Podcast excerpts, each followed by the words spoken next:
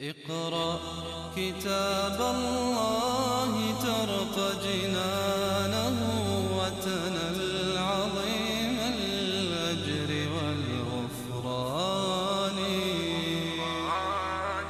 رتله روي القلب من نفحاته كالماء يروي لهفة العطشان فهل عسيتم إن توليتم؟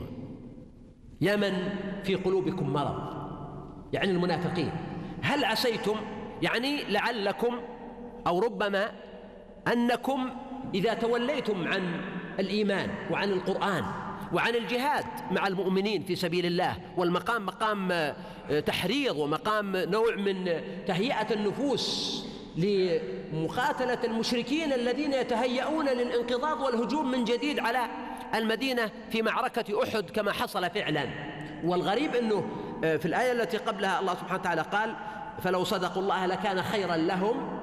إشارة إلى أنهم ينكلون ويتراجعون. وهذا حصل في معركة أحد. ولذلك كان من معجزات القرآن أنه بعد هذه الآية الكريمة في معركة أحد لما خرج النبي صلى الله عليه وسلم بأصحابه بدأ عبد الله بن أبي بن سلول والمنافقون يقولون يعني ما نتوقع ما في قتال لو نعلم قتالا لاتبعناكم ونقاتل جماعتنا وجيراننا وأصحابنا وكذا فظل عبد الله بن أبي بن سلول يلف ويدور ويقول أصلا إحنا ما مطلوب منا أن نقاتل خارج المدينة نقاتل من يأتينا في داخل المدينة فبدأ يثير الشبهات ويتعلق بالمشتبهات حتى رجع بكم. ثلاثين بالمية من عدد أفراد الجيش. رقم ليس بالسهل. فإذا أضفت إليه أنه نتيجة المعركة كان فيها نوع من الانكسار على المسلمين والقتل واتخذ الله منهم شهداء كان الناس في تلك ال ال ال الأمور وضع صعب جدا وربما البعض يتوقع أنه لن تقوم للإسلام قائمة وأن يعني الرسالة قد يعني تذهب ويظنون بالله الظنون. فهنا قال الله سبحانه وتعالى فهل عسيتم إن توليتم؟ يعني أعرضتم عن الجهاد وتخليتم عنه. أن تفسدوا في الأرض وتقطعوا أرحامكم. يعني ترجعون إلى بلدكم. لماذا؟ هل لإقامة حياة كريمة وللإصلاح وللصلة؟ لا. وإنما تهربون من المعركة للدفاع عن المدينة والدفاع عن الإسلام من أجل أن ترجعوا إلى المدينة لأن تفسدوا فيها. وتحاولوا أن تؤثروا على عقول المؤمنين. وتظلموا الناس. وتمنعوا من يريد البذل في سبيل الله من ذلك. لا تنفقوا على من عند رسول الله حتى ينفضوا. وتقطعوا أرحامكم.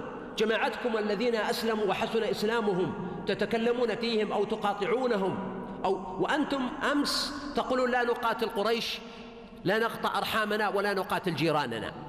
فتركتم الجهاد ورجعتم لا لتبنوا حياة جميلة مباركة وإنما لتفسدوا في الأرض وتقطعوا أرحامكم. كيف يكون هذا؟ فهذا دليل على أنهم أناس يعني غير جادين لا في الحرب ولا في السلم. فهم لو رجعوا للمدينة ما رجعوا ليقيموا الصلاة ويؤتوا الزكاة ويعملوا الخير وإنما رجعوا ليفسدوا في الأرض ويقطعوا الأرحام. وهذا دليل على أن الدين جاء بصلة الرحم والتواصل مع الناس صلة حتى غير المسلم. كما قال النبي عليه السلام لأسماء صلي أمك وهي مشركة. وكذلك الفساد في الأرض. نهى الله تعالى عن الفساد في الأرض. وقال فلولا كان من القرون من قبلكم أولو بقية ينهون عن الفساد في الأرض. ايا كان لون الفساد. أولئك الذين لعنهم الله. يعني أولئك الذين تولوا وتخلوا ونافقوا الذين في قلوبهم مرض. وليس اللعن هنا مباشرا على الآية السابقة على الذين يقطعون أرحامهم وإن كان هذا ورد فيه الوعيد. وفي حديث النبي صلى الله عليه وسلم عن الرحم أنها قالت يا رب هذا مقام العائذ بك. فقال أما ترضين أن أصل من وصلك وأقطع من قطعك؟ وفي القرآن الكريم قال الله تعالى في سورة الرعد والذين ينقضون عهد الله من بعد ميثاقه ويقطعون ما أمر الله به أن يوصل. يعني مثل الرحم والجار والصديق أولئك لهم اللعنة فلعنهم ولهم سوء الدار. فلمن يقطعون الأرحام ويفسدون في الأرض جزء من اللعنة. ولكن اللعنة هنا وعمى الأبصار والصمم هو للمنافقين الذين عليهم الكلام الذين تولوا وأعرضوا ورفضوا. أولئك الذين لعنهم الله يعني طردهم من رحمته فأصمهم فلا يسمعون القرآن. هم يسمعون ولكن كأنهم لا يسمعون. فإذا سمعوا ينظرون إليك نظر المغشي عليه من الموت. ولا تكونوا كالذين قالوا سمعنا وهم لا يسمعون لأن العبرة ليست بالسماع فقط وإنما العبرة بالسماع الذي يخترق الأذن ليصل إلى القلب.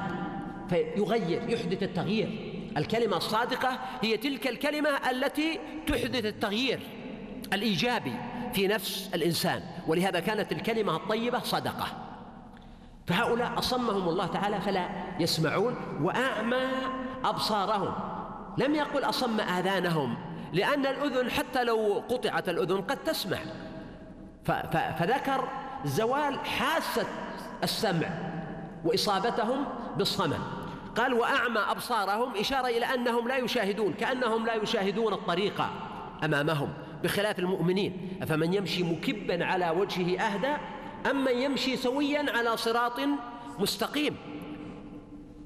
فيوصفون في مواضع كثيرة جدا بالعمى. صم بكم عمي كما قال عن الكافرين. إذن هذا جزاؤهم. أفلا يتدبرون القرآن؟ كأن الآية ذي فيها علاج لما في نفوسهم من المرض وما في آذانهم من الصمم وما في أعينهم من العمى الدواء موجود في القرآن الكريم لو أرادوه وهو متاح لهم لو سمعوه. ولهذا قال أفلا يتدبرون القرآن؟ وفي ذلك دعوة لهم وعدم تيئيس أن الطريق مفتوح وما دام الإنسان حيا ونفسه يتردد فباب التوبة أمامه مفتوح. إن الله يقبل توبة العبد ما لم يغرغر يعني ما لم تبلغ الروح الحلقوم. أفلا يتدبرون القرآن؟ أفلم يدبروا القول؟ كتاب أنزلناه إليك مبارك ليدبروا آياته. آيات كثيرة جدا تدعو إلى التدبر. وأقول من بركة مجالس العلم وخاصة مجالس تفسير القرآن الكريم أن يكون فيها تدبر للقرآن الكريم. وحبذا أن يسعى الإنسان أن يجعل له وردا يتدبره. كثيرون عندهم ورد يقرؤونه من القرآن الكريم. لكن حبذا أن يكون عندك ورد تتدبره. ولأن تقرأ آية واحدة أو صفحة واحدة من القرآن عدة مرات وتتأمل معانيها والتدبر معناه أنك تقف في دبر كل آية أو كل كلمة وتفكر في معناها وتعرض قلبك عليها. فذلك خير من أن يهد الإنسان هدا القرآن هدا كهد الشعر أو ينثره نثرا كنثر الدقل ولا يعرف حلاله ولا حرامه ولا يقوم يقيم حدوده ولا يعرف معانيه. أجد أيها الأحبة أنه من أقوى ما يعزز الإيمان في في قلبي لما أقرأ القرآن الكريم فأجد الإعجاز الإعجاز في ألفاظه. على سبيل المثال الآن العلم الحديث تفجر باكتشافات مذهلة جدا في هذا القرن. علوم يعني لم تخطر للبشر على بال ربما من عهد آدم عليه السلام. علوم غريبة وخارقة للمألوف وخارقة للعادة في كل مجالات الحياة.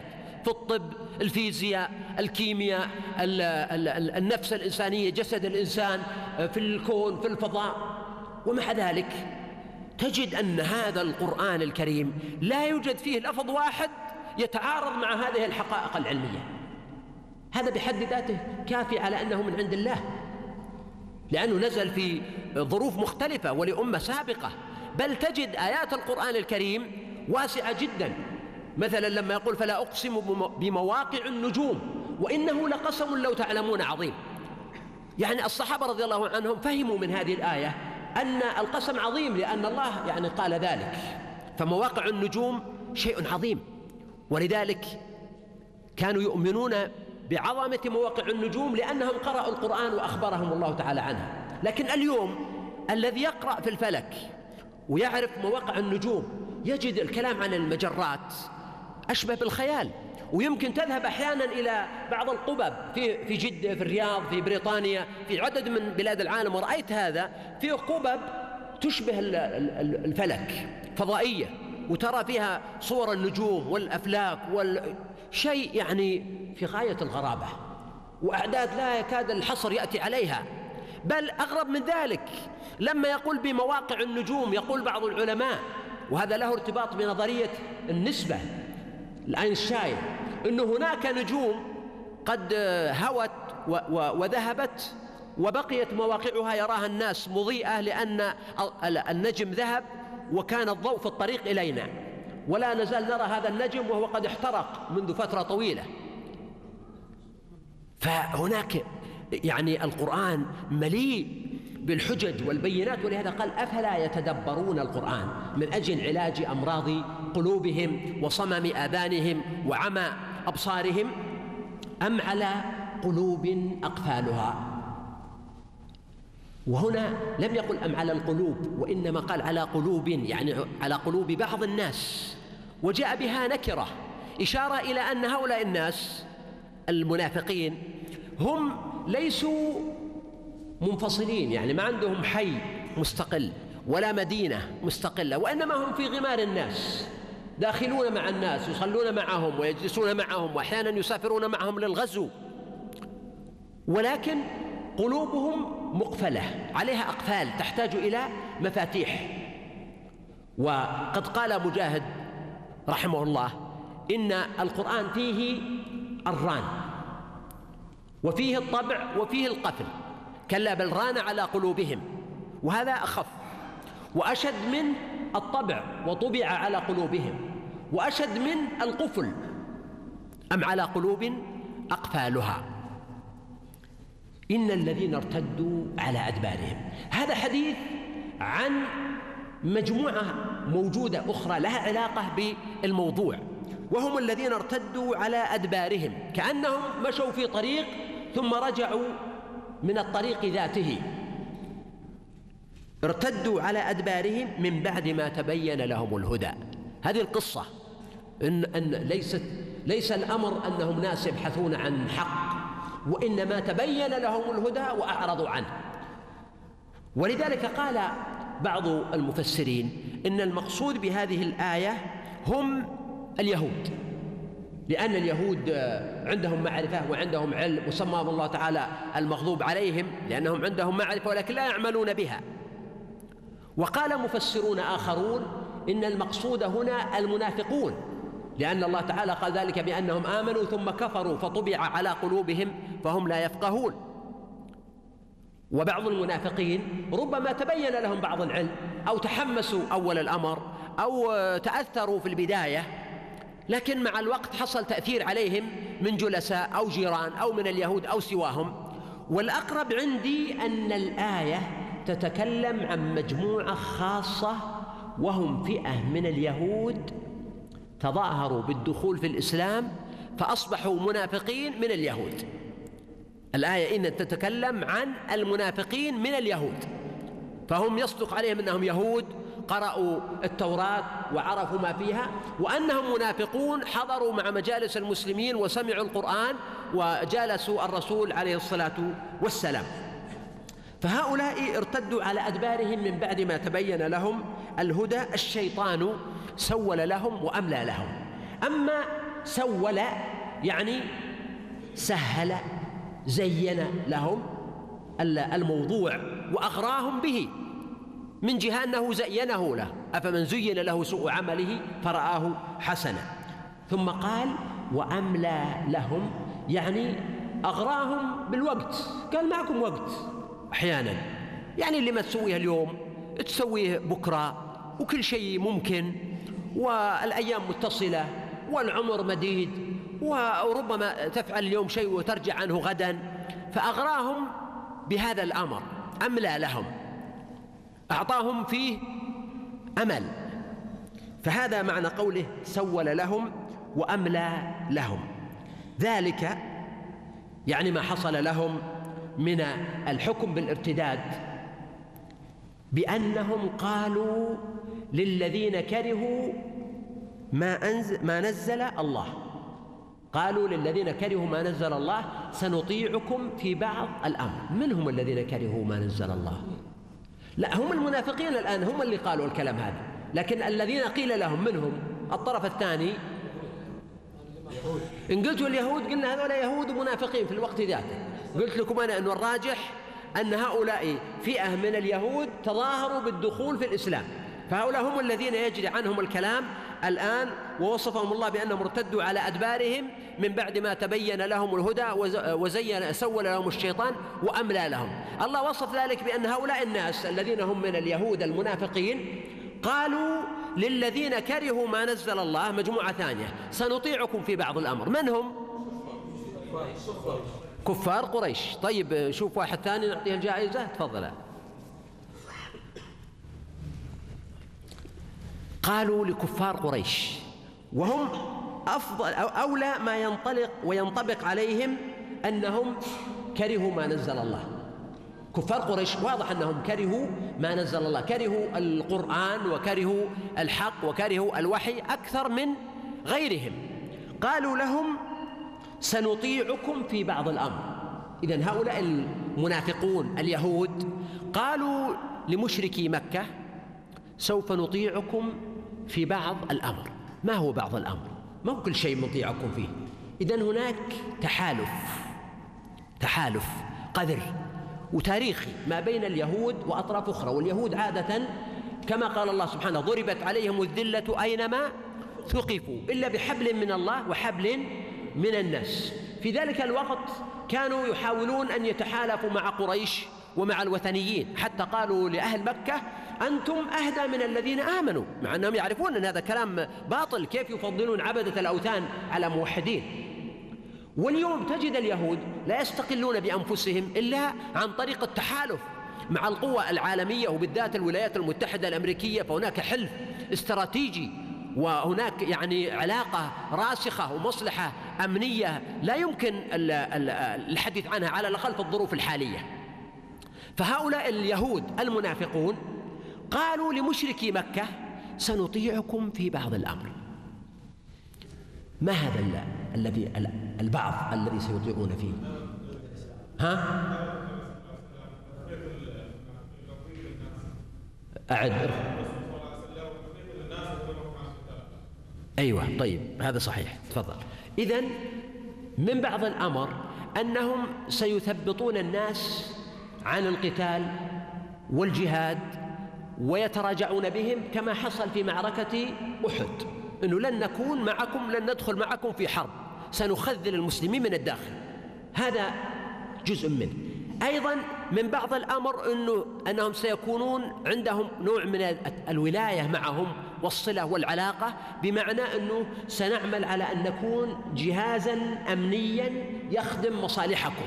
ننقل لكم أخبار المسلمين وأحوالهم ونقاط الضعف فيهم والمشكلات الموجودة عندهم نوصلها إليكم. هذا أيضا من بعض الأمر. أيضا من بعض الأمر وهذا معنى مهم أننا سنوافقكم على أن محمدا ليس برسول ولم ينزل عليه وحي. فهنا يقولون نحن لا نوافقكم يا معشر قريش على أنه ما نزل وحي أصلا ما أنزل الله على بشر من شيء. لا لأنه نحن نؤمن بموسى. ولكن سنطيعكم فيما يخص محمد أن نجحد رسالته. هذا بعض الأمر وليس كله فهم يؤمنون بأصل الوحي ولكن لا يؤمنون بنزول الوحي على محمد عليه الصلاة والسلام. قال الله سبحانه والله يعلم إسرارهم. شوف الجمهور يقرؤونها والله يعلم إسرارهم. بكسر الهمزة. يعني يعلم ما يسرون في قلوبهم فهم ظاهرا يكذبون بالرسول صلى الله عليه وسلم لكن في السر هم يؤمنون به فإنهم لا يكذبونك ولكن الظالمين بآيات الله يجحدون. وفي قراءة سبعية والله يعلم أسرارهم. وعلى هذا تكون أسرارهم يعني الأخبار والقصص والاتفاقيات التي يبرمونها مع شيوخ مكة وزعمائها. اقرأ كتاب الله ترق جنانه وتنى العظيم الأجر والغفران. رتله روي القلب من نفحاته كالماء يروي لهفة الأطشان.